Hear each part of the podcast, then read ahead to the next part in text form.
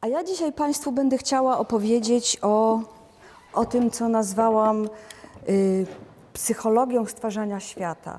Ponieważ mm, z wykształcenia jestem psychologiem i y, moje jakby rozumienia, rozumienie mechanizmów świata zostało ukształtowane właśnie poprzez psychologię.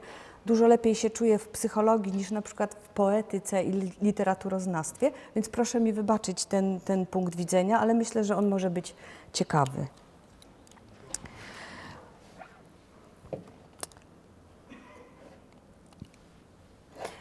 Inspiracje. To będzie bardzo osobisty wykład. Zacznę od obrazu, który przez długi czas wisiał u mnie w, w dużej kuchni naprzeciwko miejsca, gdzie lubiłam siedzieć. Słabo go widać, ale w tych opalizująco na czerwonych pos- postaciach, przyginanych jakby przez same ramy obrazu, widziałam więźniów jakiejś niemożliwej przestrzeni, w której zostali przemocą umieszczeni, dopóki ich ktoś stamtąd nie uwolni. Była to dla mnie czyśćcowa kraina nieopowiedzenia, która mieści się tam, gdzie w końcu wędrują historie zapomniane, wyparte, pominięte, nie dające nam spokoju i domagające się głosu. Czerwony obraz wiszący w mojej kuchni ciągle przypominał mi o tym czyśćcu, a postacie wydawały się pukać do mnie, dawać znaki, coś mówić, chociaż z ruchu ich warg nie potrafiłam zrozumieć słów. Zdałam sobie sprawę, że nasza rzeczywistość jest pełna takich dziur, w których zamieszkują postaci, a, żyć, a ich życia pozostają dla nas nieznane, bo z różnych względów zapomnieliśmy, a może nawet wyparliśmy je ze zbiorowej pamięci. Historia frankistów była jedną z tych opowieści, które muszą zostać opowiedziane i czekają tylko na własny czas i miejsce, no i na swojego rycerza, który rozbije to szklane więzienie. W drugiej połowie lat 90., e, pewnie mógł to być 97, 98 rok, znalazłam się w Toruniu albo Bydgoszczy. Było zimno i mokro. Schronienia jak zwykle poszukałam w antykwariacie. Lecz zanim to się stało, muszę państwu, y, lecz zanim dowiecie się Państwo, co stało się dalej, muszę opowiedzieć o historii pewnego braku. Przynależę bowiem do pewnego plemienia ludzi, którzy uważają, że urodzili się późno, od razu jako epigoni na gruzach upadłej cywilizacji. Przyszłam na świat w 1962 roku na zachodnich rubieżach Polski, w historycznie rzecz biorąc wschodniej Brandenburgii, czy może lepiej powiedzieć na ziemi lubuskiej. We wsi, w której pracowali jako nauczyciele moi rodzice, wciąż mieszkało mnóstwo autochtonów. Tak nazywaliśmy tych, którzy byli poprzednimi rdzennymi mieszkańcami tej wsi. Mówili po niemiecku i uważali się za Niemców. Ich spotkanie z napływową ludnością polskojęzyczną, głównie z Kresów, było dosyć burzliwe, ale to osobna historia. 17 lat od wojny to nie było zbyt wiele czasu. Ludzie mieli wciąż jeszcze w pamięci to, co się wydarzyło. Wychowywałam się na opowieściach o wojnie. Tutaj, na Nadodrzu, Polska, którą pamiętali starsi ludzie, Polska Polska, jak mówię, Polska przedwojenna, nigdy nie istniała. Uświadamianie sobie, że z powodu tragedii II wojny światowej zginął pewien świat, było dla mnie przeżyciem dojmującym. Myślałam o tym często. Ilu ludzi wokół nas brakuje, ilu książek na półkach mojej biblioteki, ile filmów nigdy nie nakręconych, bohaterów literackich, nowych pojęć, wynalazków i mód, słów w języku, domów, ilu miejsc na cmentarzach, ilo wielojęzycznego gwaru przepadło gdzieś w otchłaniach czasu. To wszystko stało się jednym z tych uczuć, które formowały moją osobowość. W tym właśnie miejscu mieści się też spotkanie z żydowskością. Najpierw jako opowieści mojej babci, a potem przez samodzielne lektury i literackie zachwyty Schulzem czy Zingerem. Odkrycie żydowskiej podszewki własnego świata, odgięcie rogu dywanu i ujrzenie, że pod spodem istnieją bliźniacze sploty przędzy, ale nieco inne, nieco zmienione, czasem nieczytelne lub przeciwnie wyostrzające wzór na powierzchni, było dla mnie wielkim, znaczącym przeżyciem. Jak dla wielu z Was, obecność Żydów sprowadzała się do tragedii Holokaustu.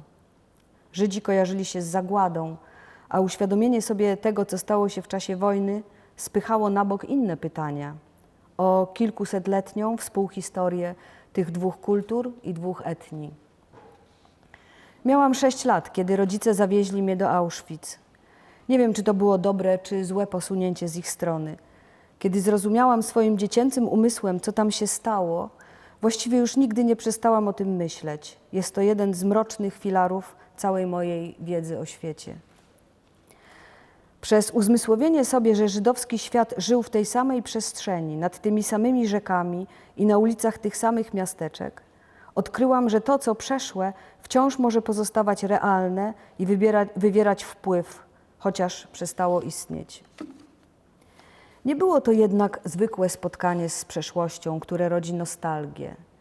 Nostalgia ma naturę łagodną, wilgotną, sycącą, jak gęsty, aromatyczny sos, który dodaje smaku jedzeniu i nawet ziemniaki jest w stanie zmienić w wyborną smakowo potrawę. Nie, przede mną stał pusty talerz. Był to świat braku, dziury w całości, która uniemożliwia nam przeczytanie przesłania z przeszłości i czyni nas półinteligentnymi, półwiedzącymi, na zawsze niedoinformowanymi i w jakimś sensie upośledzonymi. Na studiach, na które przybyłam do Warszawy, to poczucie braku stało się jeszcze bardziej dotkliwe. Mieszkałam w akademiku na Zamenhofa, na dawnym terenie getta. Żyłam więc w leju po bombie, w ruinach dawnego świata, w domu, z którego został tylko zarys ściany na ziemi. To było niepokojące doświadczenie. Chwilami mój własny świat, strajki na ulicach, rozganiane armatkami wodnymi demonstracje, wieczny mrok stanu wojennego, puste sklepy, wydawał mi się mniej realny niż tamten, który odszedł na zawsze. Zapewne nie byłam samotna w tym dziwnym rozdwojeniu. Mogło to mieć wiele wspólnego z moją własną biografią, z tym, że urodziłam się na Dolnym Śląsku i jak wielu Dolnoślązaków nieco inaczej przeżywałam historię niż przeżywano ją w polskiej Polsce. Traktuję to doświadczenie jako egzystencjalne, a nawet metafizyczne i próbuję rozkładać je na czynniki pierwsze we wszystkim, co piszę, niczym jeden bohater z biegunów, Ferhejen, który rozbierał do najmniejszych ścięgien swoją amputowaną nogę. To poczucie obcości jest mi więcej niż bliskie. Ono zawsze mnie konstytuowało i na tym, fortunnie lub niefortunnie, budowałam swoją tożsamość. Wszyscy ci, którzy lubią poszukiwać w doświadczeniu człowieka porządków autobiograficznych, mogliby upierać się, że to spuścizna po wielkim wygnaniu, jakiego doświadczyła historycznie ta część mieszkańców Kresów, która zmuszona została politycznymi traktatami do opuszczenia swoich domów i która po czasie nieświadomie zmitologizowała wygnanie w familijnych opowieściach. A może przyczyną poczucia obcości był zwyczajny fakt, że w mojej małej rodzinie nigdy nie byliśmy z jakiegoś stąd i poprzez przeprowadzki ciągle byliśmy zmuszani dołączać się do jakiegoś status quo, pozostając w gruncie, w gruncie rzeczy obcymi. Łatwo to wszystko nazwać wykorzenieniem, ale i ja też sama badałam na własny użytek to poczucie niewygody i zaczęło mi się wydawać, że jest ono absolutnie podstawowe, daleko wykraczające poza człowieczą biografię i niespokojne czasy, że jest egzystencjalne i ludzkie. Dziś poczucie braku wydaje mi się być, fundam być fundamentalną kategorią egzystencjalną opisującą kondycję człowieka, jego przeżywanie czasu i zdolność kontaktu z przeszłością oraz stanowi podstawę budowania kultury. Prawdopodobnie ma to głęboki psychologiczny wymiar, jako że rodząc się i opuszczając bezpieczne schronienie w ciele naszej matki, zawsze będziemy traktować narodziny jako wygnanie. Do tego nawiązują najstarsze mity, w których jak przez mgłę pamiętamy jakiś raj, miejsce idealne, czystą równowagę, miejsce, gdzie jesteśmy jeszcze niezróżnicowani, a przez to niewinni. To stan sprzed odkrycia naszych właściwości, bolesnych granic naszego ja, które odtąd w każdej chwili uświadamiają nam, że nie do końca należymy do świata. Wszelkie zaś pojęcia tradycji, pamięci zbiorowej, a także tym samym ból wykorzenienia są w swej istocie czymś w rodzaju skoncentrowanego i wtórnego mechanizmu obronnego przed doświadczeniem obcości. Księgi Jakubowe są książką w całości poświęconą temu poczuciu, we wszystkich jego wymiarach fundamentalnych i metafizycznych.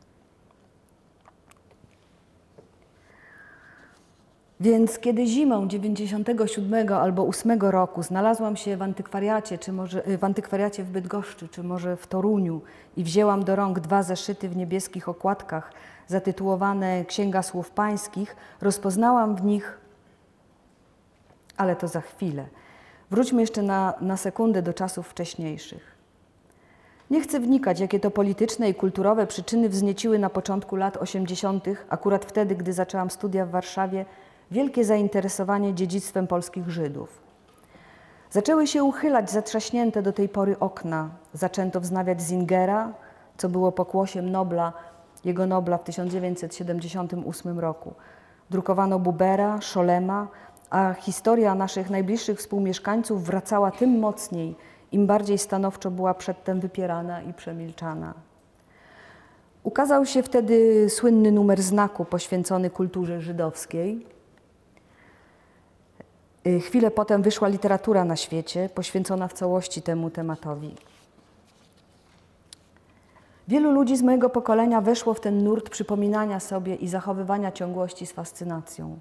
Wreszcie pojęcie żydowskości zaczęło uwalniać się od fatalistycznego, frazeologicznego związku z Holokaustem.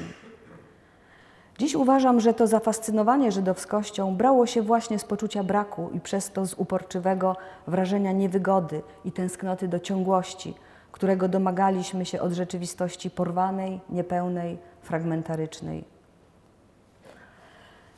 Więc kiedy wiele lat później, w 1997 czy 1998 roku, w deszczowy dzień dotarłam do owego antykwariatu w Bydgoszczy czy w Toruniu i wzięłam do ręki Księgę Słów Pańskich, miałam wrażenie, że znajduję jedno z tych zagubionych przęseł mostu, który łączy nas nie tylko z przeszłością, ale i z utęsknioną całkowitością. Czytując się w założycielską Księgę Słów Pańskich, zaabsorbowały mnie przeplatające się dwa poziomy opowieści. Pierwsza dotyczyła nieprawdopodobnie barwnej, łotrzykowskiej wręcz historii ludzi zwanych później frankistami. Oni sami nazywali siebie, jak to wiele sekt ma w zwyczaju, prawowiernymi. Ich zmienne koleje, ich kameleonowate przemiany, aspiracje, te małe i te absolutnie wielkie – to wszystko roz, y, rozbudzało moją wyobraźnię. Ich rewolucje, w tym te obyczajowe, które tak szokowały współczesnych, ich bogate biografie i ubogie egzystencje, cała ludzka materia życia. Lecz z drugiej strony wyłaniał się z mojej lektury ich niezwykły światopogląd, a ramy ich duchowości wykraczały daleko poza to, co znałam i czego na tym etapie mogłam się domyślać. System ich wierzeń, niejasny, niepełny, skrzętnie ukrywany pod swojsko brzmiącymi słowami, coraz bardziej mnie zadziwiał i rozpoznawałam w nim coś więcej niż tylko religijność żydowskich kupców z Podola. Teologia frankistów wciąż mało poznana, zainteresowanych odsyłam do prac Pawła Maciejki, była teologią obcości i nawiązywała podobnie jak poprzedzający czy inspirujący ją sabataizm do gnostycyzmu. Bóg jest daleki i niepoznawalny. Człowiek szuka sposobów, żeby się z nim skomunikować, a niektóre z tych sposobów mogą być dość bizarne. To dobrze, ponieważ Bóg jest czymś tak bardzo od nas odmiennym, że zwykłe ludzkie pojęcia są dla niego niezrozumiałe. Mówimy innym językiem niż Bóg. Jest wielce prawdopodobne, że Bóg nas też nie widzi nie w ten sposób, jaki przychodzi nam do głowy. Musimy dokonać fundamentalnej transgresji, żeby dać mu się zauważyć. Niewiele o nim jesteśmy w stanie powiedzieć. To Bóg niepoznawalny, niewyrażalny, poza naszymi kategoriami. Mówić o nim, że Bóg jest dobry albo zły, to był kotać bez związku. To dziwne i zastanawiające dla nas współczesnych, że frankiści mówią o nim wielki brat. My mamy złe skojarzenia, ale dla nich to wyrażenie mogło zaznaczyć najbardziej żarliwą intencję Mimo jego osobności i niepojętości czujemy z nim związek i zdajemy sobie sprawę, że jest wszystkim, co jest co nam najbliższe. Pomimo metafizycznego oddzielenia jesteśmy krewnymi, braćmi. Nie ma tutaj patriarchalnej hierarchii, która mieści się w określeniu ojciec dzieci. Wołamy do niego z otchłani, mówiąc: Boże niepoznawalny i daleki, choć nie mamy nadziei, że nas w ogóle ujrzy, że na nas spojrzy. Można na to spojrzeć także i tak. Świat jest czymś obcym wobec prawdziwego Boga. Może nawet odpadem w wielkim dziele stworzenia, jak to w jednym ze świętych tekstów sugeruje się, mówiąc o świecie jako boskim ekskremencie. Reguły temu światu narzucił jednak kto inny. To Bóg Stworzyciel, gnostycki demiurg, Bóg światowy, zazdrosny, osobowy, mściwy i podejrzliwy. To On sformatował naszą moralność i odbył te wszystkie poddańcze gry z pierwszymi rodzicami w raju. To Bóg rzeczy małych, który jednak śni o wielkości. On zamknął nas w pułapce świata, z której próbujemy się wydobyć. Mesjasz, który ma się pojawić w tej teologii i uwolnić nas, przychodzi spoza świata, choć na pewno przybierze formę cielesną. Jest próbą negocjacji mimo, mimo, między obiema boskościami. Mesjasz będzie czysty i nieskalany, jednak żeby dostosować się do świata upadku, musi się wytarzać w jego ekskrementach, tak mówią, jak pies, który tarza się w odchodach, żeby zgubić i zniwelować własny zapach. Jego nauka będzie podważeniem wszelkich zasad porządkowych świata, wielką transgresją i wielką subwersją. Wszystko to, co uznajemy za oczywiste, będzie odwrócone na nicę. To, co dobre, być może okaże się złem. To, co uznajemy za złe, być może się obroni i odsłoni jakiś inny, głębszy sens. Świat jest dużo bardziej skomplikowany niż myślimy i oceniamy, e, oceniamy go swoimi prostymi, topornymi zmysłami. Przepadną proste podziały: kobieta, mężczyzna, dzień, noc, to tamto. Zbawiony świat będzie światem tego, co pomiędzy. W tym systemie zadaniem człowieka jest bunt i niezgoda na świat dany. Zupełnie odwrotnie niż dzieje się to na przykład w katolicyzmie czy prawosławiu. Czekając na przyjście Mesjasza, człowiek musi już teraz kwestionować porządki świata, widzieć go jako system stworzony przez demiurga ku naszej niewoli. To kwestionowanie najbardziej nawet oczywistych rzeczy jest obowiązkiem wiernego, nawet jeżeli budzi to wewnętrzny sprzeciw czy odrazę. Wiara jest wielkim zadaniem stawienia światu czoła. W sensie epistemologicznym, mówi gnostycki mit, widzimy świat we fragmentach, których nie umiemy ze sobą powiązać, jak ci uczeni z przypowieści, którzy oglądali słonia po kawałku, upierając, że to, co widzą, jest całością. Lecz gnoza to także wiara w to, że potencjał ludzkiej wiedzy i umysłu w ogóle ma szansę przeniknąć zasłony niewiedzy i osiągnąć ostateczne poznanie. Moja własna przygoda z gnostycyzmem zaczęła się bardzo dawno temu, właściwie jeszcze na studiach. Chciałam studiować religioznawstwo, a nawet później teologię. Fascynowało mnie bogactwo ludzkich pomysłów na to, co słabo nazywalne, intuicyjne, metafizyczne końcu trafiłam na psychologię, co nie okazało się całkiem złym pomysłem. To wielka sztuka kontekstu, interpretacji i wrażliwości na sensy.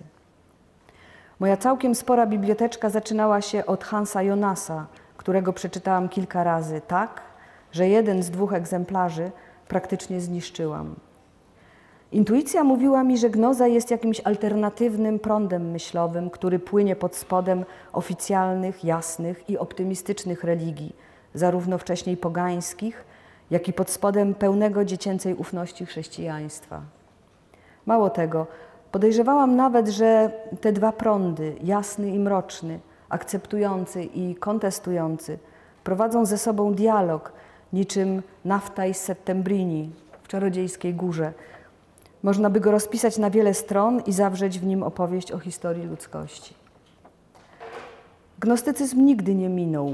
On zawsze jest i leży u podstaw wielu prądów, ma zdolność kamuflażu i rozpoznać go można po uważnym przyjrzeniu się historii prądów filozoficznych i perturbacji religijnych. Gnostyckie podejście do świata wypływa od czasu do czasu na powierzchnię i zawsze jest wtedy czymś nowym, co skłania do refleksji, zmiany paradygmatu, rewolucji czy rebelii. Te dwie siły niejako uzupełniają się.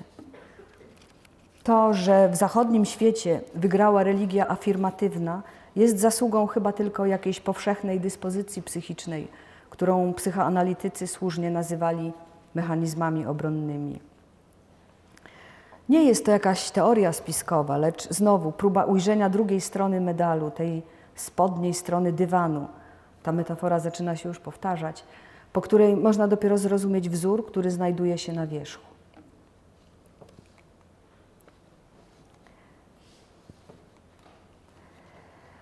Tak więc jesienią 1997 albo 8 roku wyszperałam w antykwariacie w Toruniu albo Bydgoszczy dziwną książkę, a właściwie dwa zeszyty w dużym, nieporęcznym formacie z niebieską lakierowaną okładką.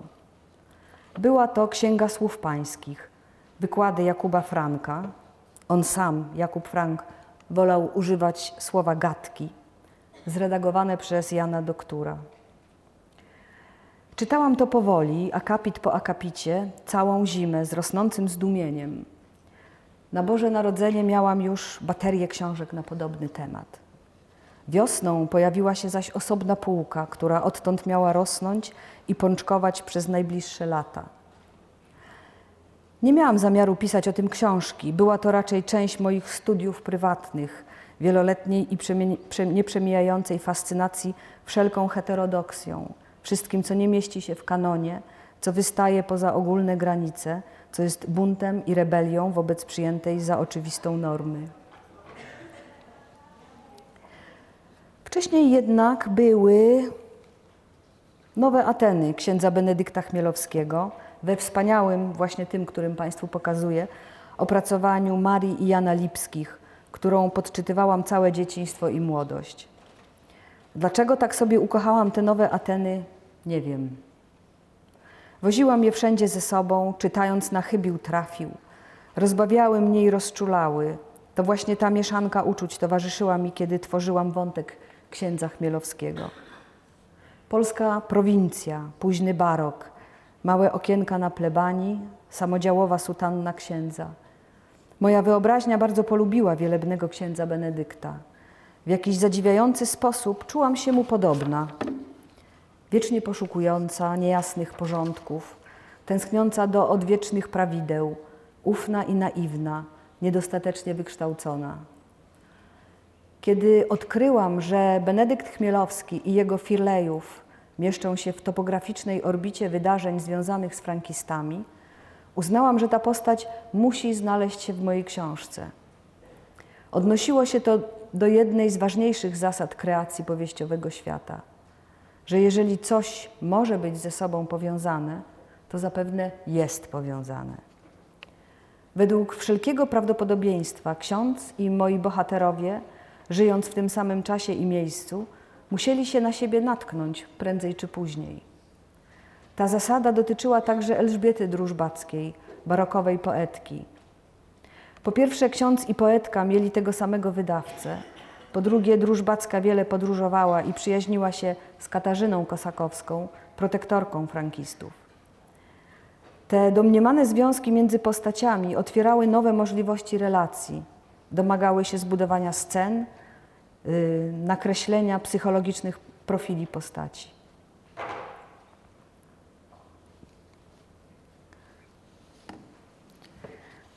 Mario Vargas Llosa napisał, że cytat, nie istnieje coś takiego jak natchnienie.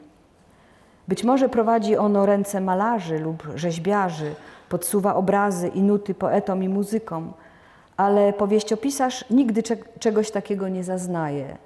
Muzy nim gardzą i jest skazany na zastąpienie tego wsparcia, którego one mu odmawiają, uporem, pracą i cierpliwością. I dodaje jeszcze: Nigdy nie spływała na mnie boska moc. Każda zapi zapisana sylaba kosztowała mnie ogromnie dużo. Myślę, że Mario Vargas Llosa ma dużo racji. Szykowałam się do podjęcia mojego tematu naiwnie i niechętnie. Przeczuwając tylko, jak wiele spraw jest we mnie przeciwko temu. Brak wiedzy, nieznajomość języka, którymi mieli mówić moi bohaterowie, jidysz, hebrajski, ladino. Fakt, że nigdy właściwie nie interesowałam się historią, ogrom i transgeniczność materiału. Jak wielu ludzi podatnych na obsesję, robię bardzo szczegółowe przygotowania do pracy. Oprócz roku czy dwóch czytania na temat mojej sprawy, wkręcałam się w temat, wprowadzałam się w bardzo specyficzny stan łagodnej obsesji, czy może nawet psychozy. Jest to stan, w którym cały świat wyobrażony zaczyna mieścić się w pewnej wydzielonej mu komorze mojej psychiki, dokąd dostęp jest natychmiastowy i bez, bez szczególnych zapośredniczeń. W każdej chwili mogłam niejako przełączyć się na ten nowy, powstający we mnie kosmos. Na razie, na samym początku, była to pusta przestrzeń. Tak ją sobie nawet wyobrażałam. Rodzaj czerwonawej pustyni, stu i ówdzie rozrzuconymi szczegółami, przedmiotami czy postaciami. Ksiądz Benedykt siedział samotnie i surrealistycznie z psem na kolanach przy małym stoliku nad księgami, a wokół niego nie było absolutnie nic. Postaci dopiero wywabiały się z nicości, powoli, jak w ciemni fotograficznej, zyskując coraz więcej szczegółów, ale pozostawały jeszcze niepowiązane, niegotowe. Początki pisania ksiąg Jakubowych prowadzą do Hagi. To tam, na półrocznym stypendium, w czasie którego napisałam prowadź swój pług przez kości umarłych, ustawiłam sobie dwa stoły do pracy. Na jednym leżały notatki do pługu, na drugim rozłożyłam mapy, rysunki i książki związane z księgami Jakubowymi. Najpierw próbowałam ogarnąć ogrom materiału. Jako ktoś, kto ma wyobraźnię przestrzenną i wizualną, spędzałam wieczory rysując mapy i drabinki, drzewa genealogiczne i przebiegi tras podróży. Na setkach małych, samoprzylepnych karteluszek zapisywałam imiona i próbowałam odtworzyć, czy może nawet stworzyć relacje i więzi między moimi przyszłymi bohaterami. Przypominało to budowanie rusztowań wokół fantomu czegoś, co jeszcze nie istnieje i zabierało o wiele y, dużo, nieproporcjonalnie dużo czasu. Przywodziło to na myśl bezsenność, kiedy rzucamy się w łóżku, próbując desperacko znaleźć tę jedyną pozycję, w której będziemy w stanie usnąć.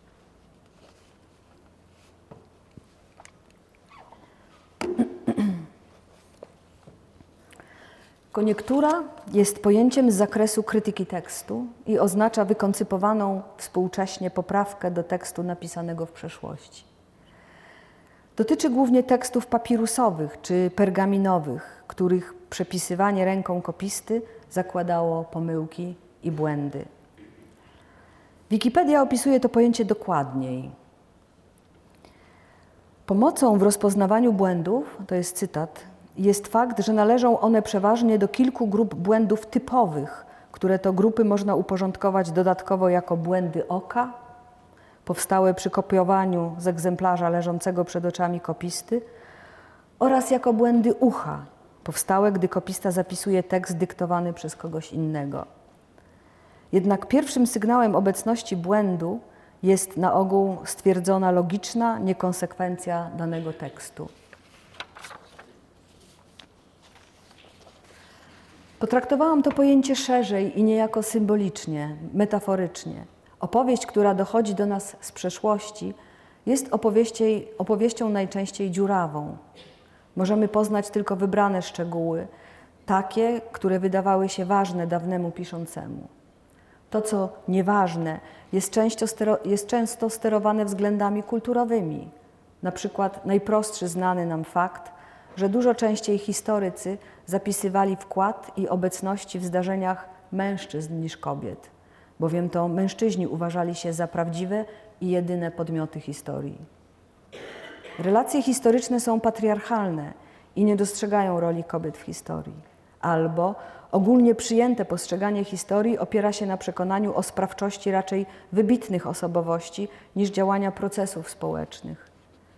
Każda epoka, reasumując, ma swoje okulary, przez które postrzega świat. Relacje oparte na dokumentach, które zgromadziłam do pisania, traktowałam jako z gruntu niepełne. Nie było w nich nic o życiu codziennym bohaterów, ani o tym, co jedli, ani jak się ubierali. Nie było zapachów i wahań pogody, o ile nie opisywały stanów ekstremalnych. Te luki są prawdziwą materią opowieści. Moja powieść była zapełnieniem luk w uszkodzonym lub niepełnym tekście. Metodą koniektury nazwałam więc nadawanie rzeczywistości pewnej kontynualności, nieprzerywalności w świecie boleśnie doświadczanym odkryciem dziur i fragmentów. Rozumiałam swoją pracę jako budowanie pewnej narracyjnej całości wokół faktów historycznych, traktowanych jednak z najwyższym szacunkiem. Tam, gdzie fakty były dla mnie niezrozumiałe albo psychologicznie trudne do przyjęcia, odwoływałam się jak do ostatecznej instancji do cytatów. Dziś jestem absolutnie przekonana, że metoda koniektury, jak ją nazwałam, jest w ogóle fundamentalnym zadaniem literatury. Zadaniem literatury jest bowiem nadanie ciągłości naszemu doświadczaniu świata.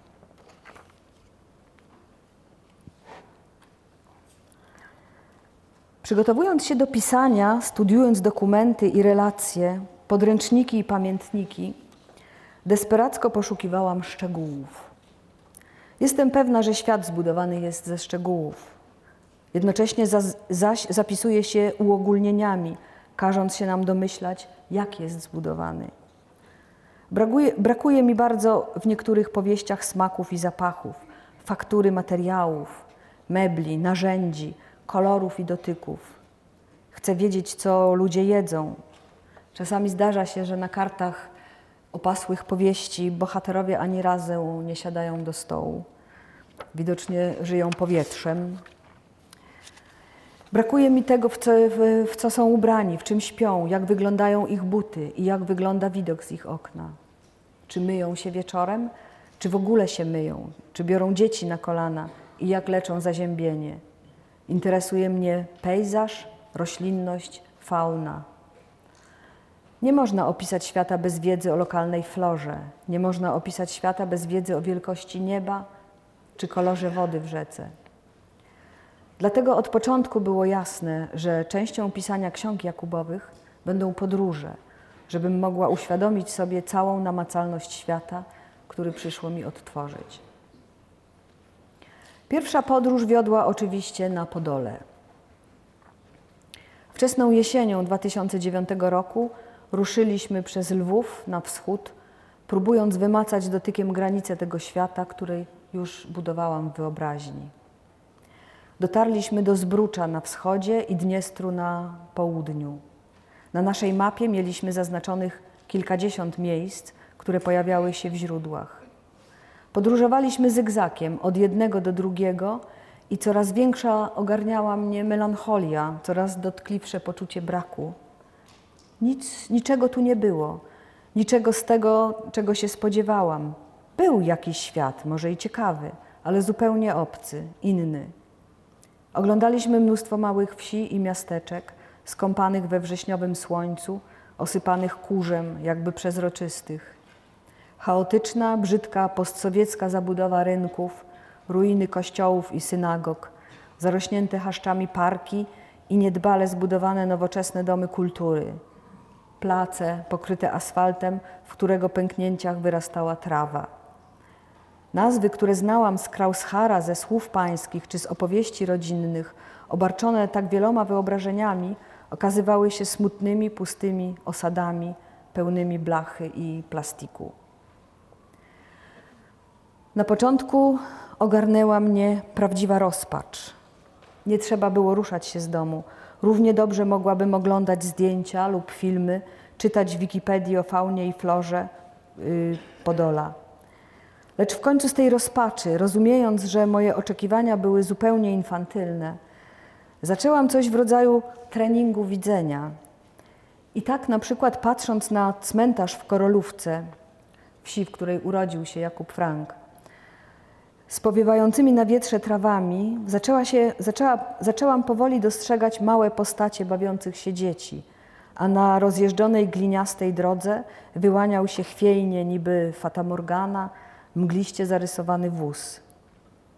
Spore wrażenie zrobiły na mnie odwiedziny w Firlejówce, y, wsi, y, w której stała plebania księdza Benedykta y, Chmielowskiego. Dziś wieś nazywa się Lipiwka. Najważniejszym dla mnie miejscem w tej miejscowości był kościół i gdzieś niedaleko, gdzie gdzieś niedaleko musiała stać plebania księdza Chmielowskiego. Spacerując wokół odnowionego niedawno, ale zamkniętego na trzy spusty kościoła, próbowałam domyślić się niczym archeolog po układzie zrujnowanych budynków, gdzie mogła stać plebania i gdzie znajdował się słynny ogród księdza Benedykta, w którym uparcie próbował odtworzyć cuda sztuki ogrodniczej, jakimi były dla niego niedoścignione cecołowce dzieduszyckich.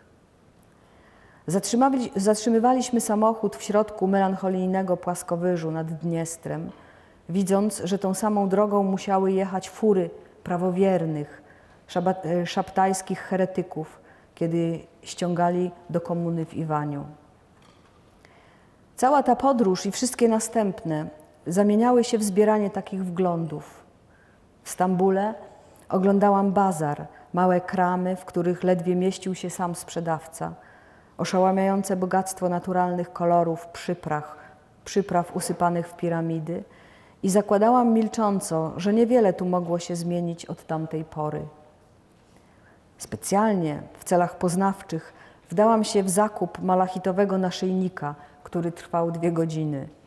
Zaproszona do wnętrza kramu, rozmawiałam z jego właścicielem, wypiłam z nim kilka herbat, negocjując cenę biżuterii i wyobrażając sobie, że zapewnie podobnie swoje klejnoty sprzedawał Jakub Frank w Krajowej, e, we wsi w Rumunii dzisiejszej. W sumie przedsięwzięłam dwie duże wyprawy na Ukrainę, jedną na dawną Wołoszczyznę i Tureczczyznę oraz na Morawy. E, byłam także w krajach niemieckich. Pojechaliśmy aż do Offenbachu nad Menem, gdzie wciąż w całkiem dobrej formie stoi słynny Schloss Isenburgski, główne centrum europejskich frankistów, a dziś zacna, cicha szkoła designu. Tak wygląda miejsce, gdzie mieszkał Jakub Frank. Pracę nad szczegółem niech zilustruje także następująca sytuacja. Opisywałam scenę, w której kobiety szyją. Spodobał mi się pomysł, żeby napisać coś o świetle świec odbijającym się od ostrzy igieł. Ale coś mnie tknęło i sprawdziłam w książkach. W tamtym czasie i w tamtym miejscu na Podolu nie używało się metalowych igieł do szycia, lecz raczej kościanych lub drewnianych. Z żalem musiałam zrezygnować z bliku płomieni świec na igłach w opisywanej sytuacji. Inną sytuacją, która mi się teraz przypomniała, zanim przejdziemy do metody zdrabki i kolażu, jest sytuacja błędu, który popełniłam, każąc jeść moim bohaterom ziemniaki. E, konsultant od spraw historycznych zwrócił na to bardzo szybko uwagę i tuż przed pójściem ksiąg Jakubowych do druku z redaktorami wyrzucaliśmy z tekstu wszelkie wspomnienia o ziemniakach, wkładając w to miejsce ryż albo kaszę.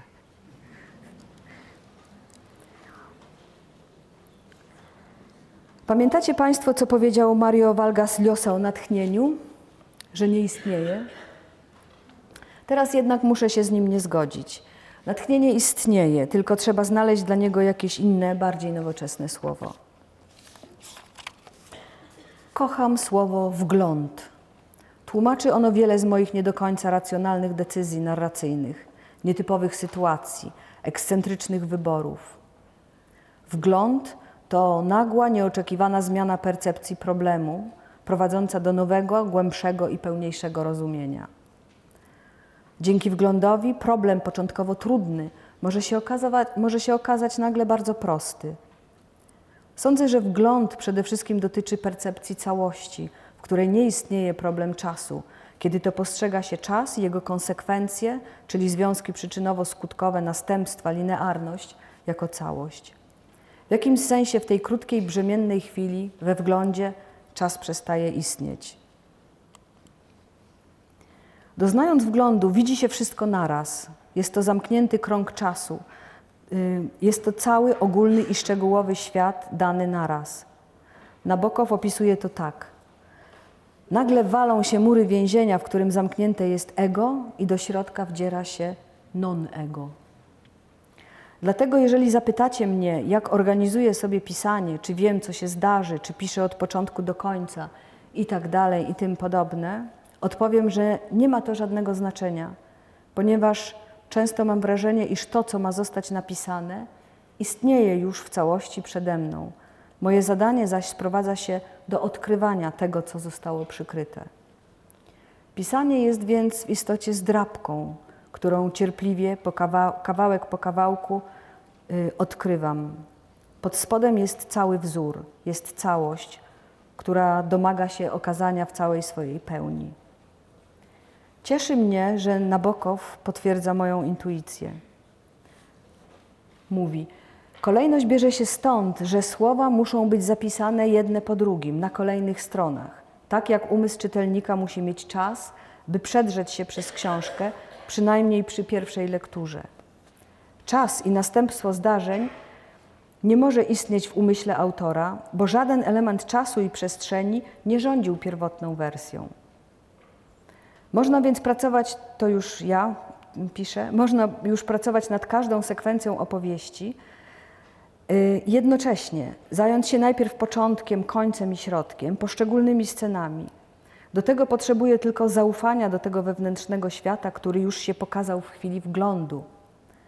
Kolejność i linearność jest paradoksalnie potrzebą, żeby przekazać wizję innym, ponieważ język jest fenomenem sekwencyjnym. Słowa i zdania potrzebują porządku linearności, ale wizja, prawdziwa wizja, nie jest ani linearna, ani w żaden sposób zapośredniczona przez czas.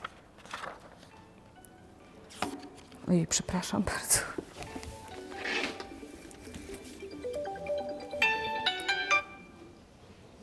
Przepraszam, już.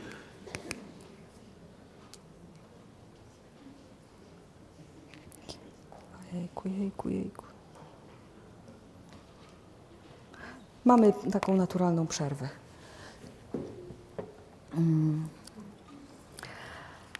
Może w tym miejscu przyszedł czas, żeby przywołać jedną z moich ulubionych metafor pisania krystalizacji. Jest to tajemniczy proces zachodzący w cieczy pełnej swobodnie krążących w niej cząsteczek. Kiedy ciecz stygnie, cząsteczki układają się w zarodki kryształu i to do nich doczepiają się według porządku sterowanego przez ich, ich budowę chemiczną inne cząsteczki. Kryształ jest sam w sobie niezwykle przemyślną, ale i super uporządkowaną strukturą, powstającą naturalnie i chciałoby się rzec bez wysiłku bez wysiłku.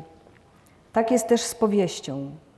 Kiedy punkty początkowe zostaną już wyznaczone, a osie krystalizacji wytyczone, wtedy każda wolna, niesubordynowana cząsteczka, każdy pomysł, każda sytuacja, postać, zdanie lgnie ku porządkowi kryształu. Każda metafora nieuchronnie dąży ku narracyjnemu porządkowi.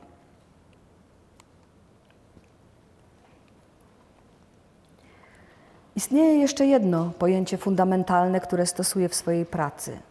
To ekscentryczność. Chciałabym jednak, żebyście Państwo nie rozumieli je szerzej niż tylko w odniesieniu do kształtu kapeluszy czy nietypowości zachowania starszych pań. Chodzi mi bowiem o pewną pozycję, którą przyjmujemy w postrzeganiu świata, ową szczególną konieczność, która każe nam wyjść poza centrum, poza wspólnie uzgodnione przez rzeczywisty świat doświadczenie. To świadome szukanie takiej perspektywy, która do tej pory nie była powszechnie przyjmowana, a która w swojej nowości pokazuje to, czego nie dostrzegano, pomijano. Nikt, kto nie jest wystarczająco ekscentryczny, nie będzie dobrym pisarzem.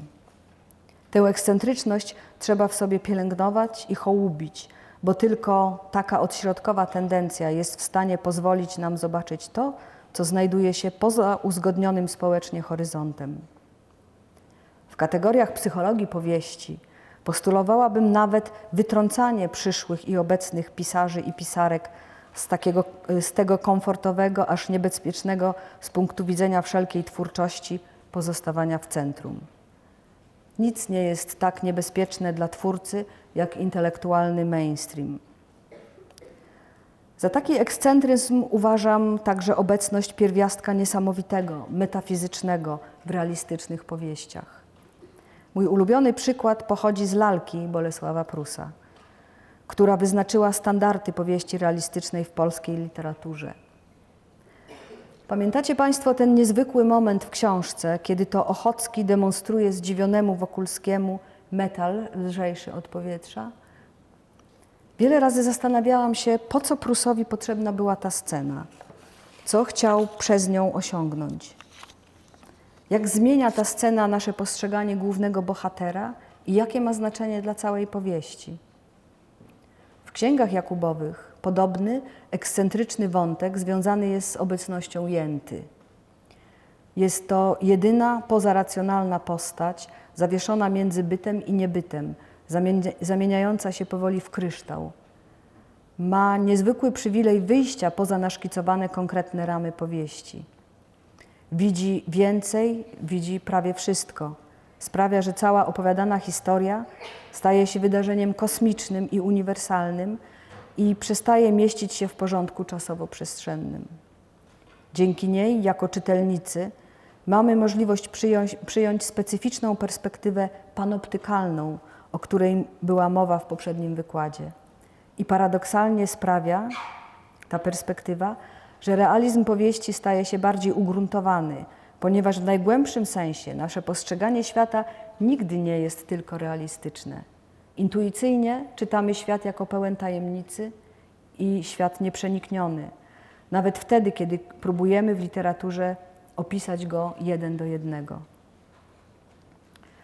Ekscentryzmem są w tej opowieści pewne rozwiązania formalne, na przykład sposób numerowania stron od tyłu, według porządku, w jakim czyta się pismo hebrajskie.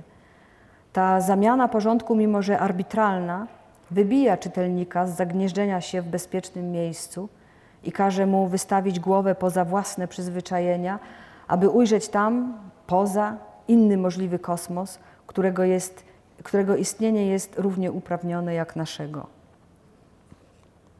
to samo, co widzieliśmy przedtem, tylko, w, tylko jako rycina. Mój, zresztą mój ulubiony, moja ulubiona rycina, która często towarzyszy mi w pisaniu. Decyzja o umieszczeniu w tekście skojarzonych luźno ilustracji także pełni tę samą rolę. Odsyła do innych, większych światów, które zmieniają i powiększają jej kontekst. Ekscentryczność jako postawa twórcza, a może i duchowa, towarzyszy mi od samego początku. Staram się ją pielęgnować i dbać o nią.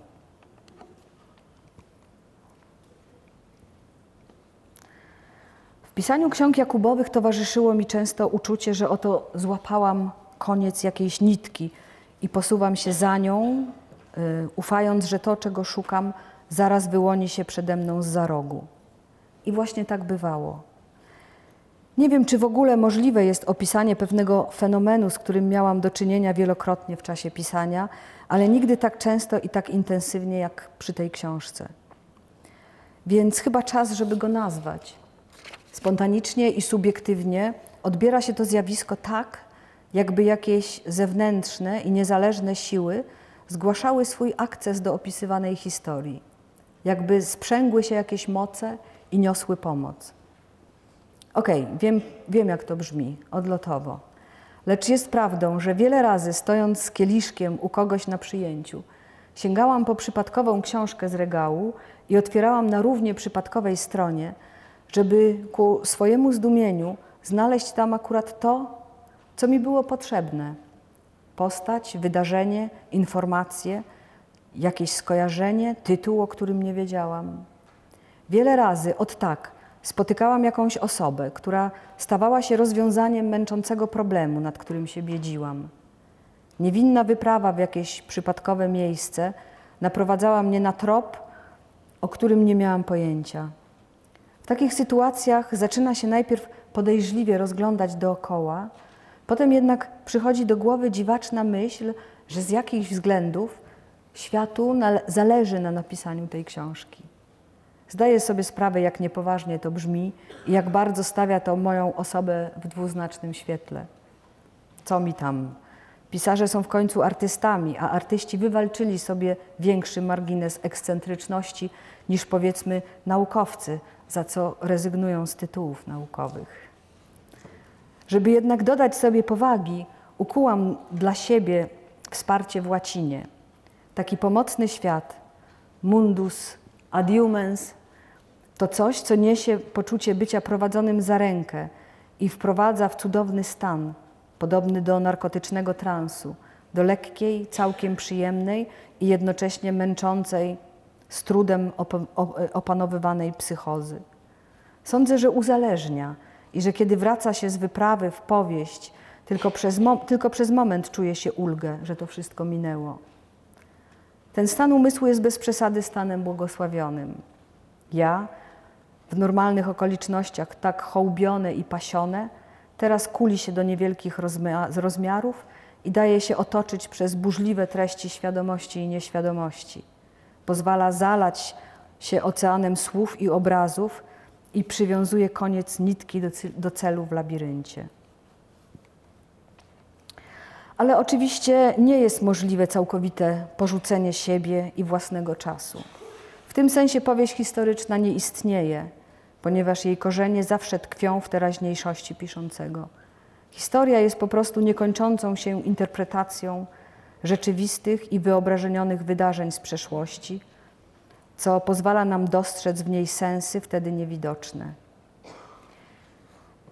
Kiedy więc wzięłam do ręki Księgę Słów Pańskich y, w antykwariacie, w Bydgoszczy albo w Toruniu w 97 albo 98 roku, stanęłam wobec jednej z ciekawszych i głębszych przygód intelektualnych w moim życiu. Rzuciłam się w nią trochę bezwiednie, z całą fascynacją, naiwnością i czułością, pilnując tylko tego, żeby zdrowy rozsądek i jego ciągłe utyskiwania nie popsuły mi całej przyjemności tworzenia świata, którym za chwilę, za rok, za kilka lat będę mogła podzielić się z innymi, z Państwem. Dziękuję bardzo.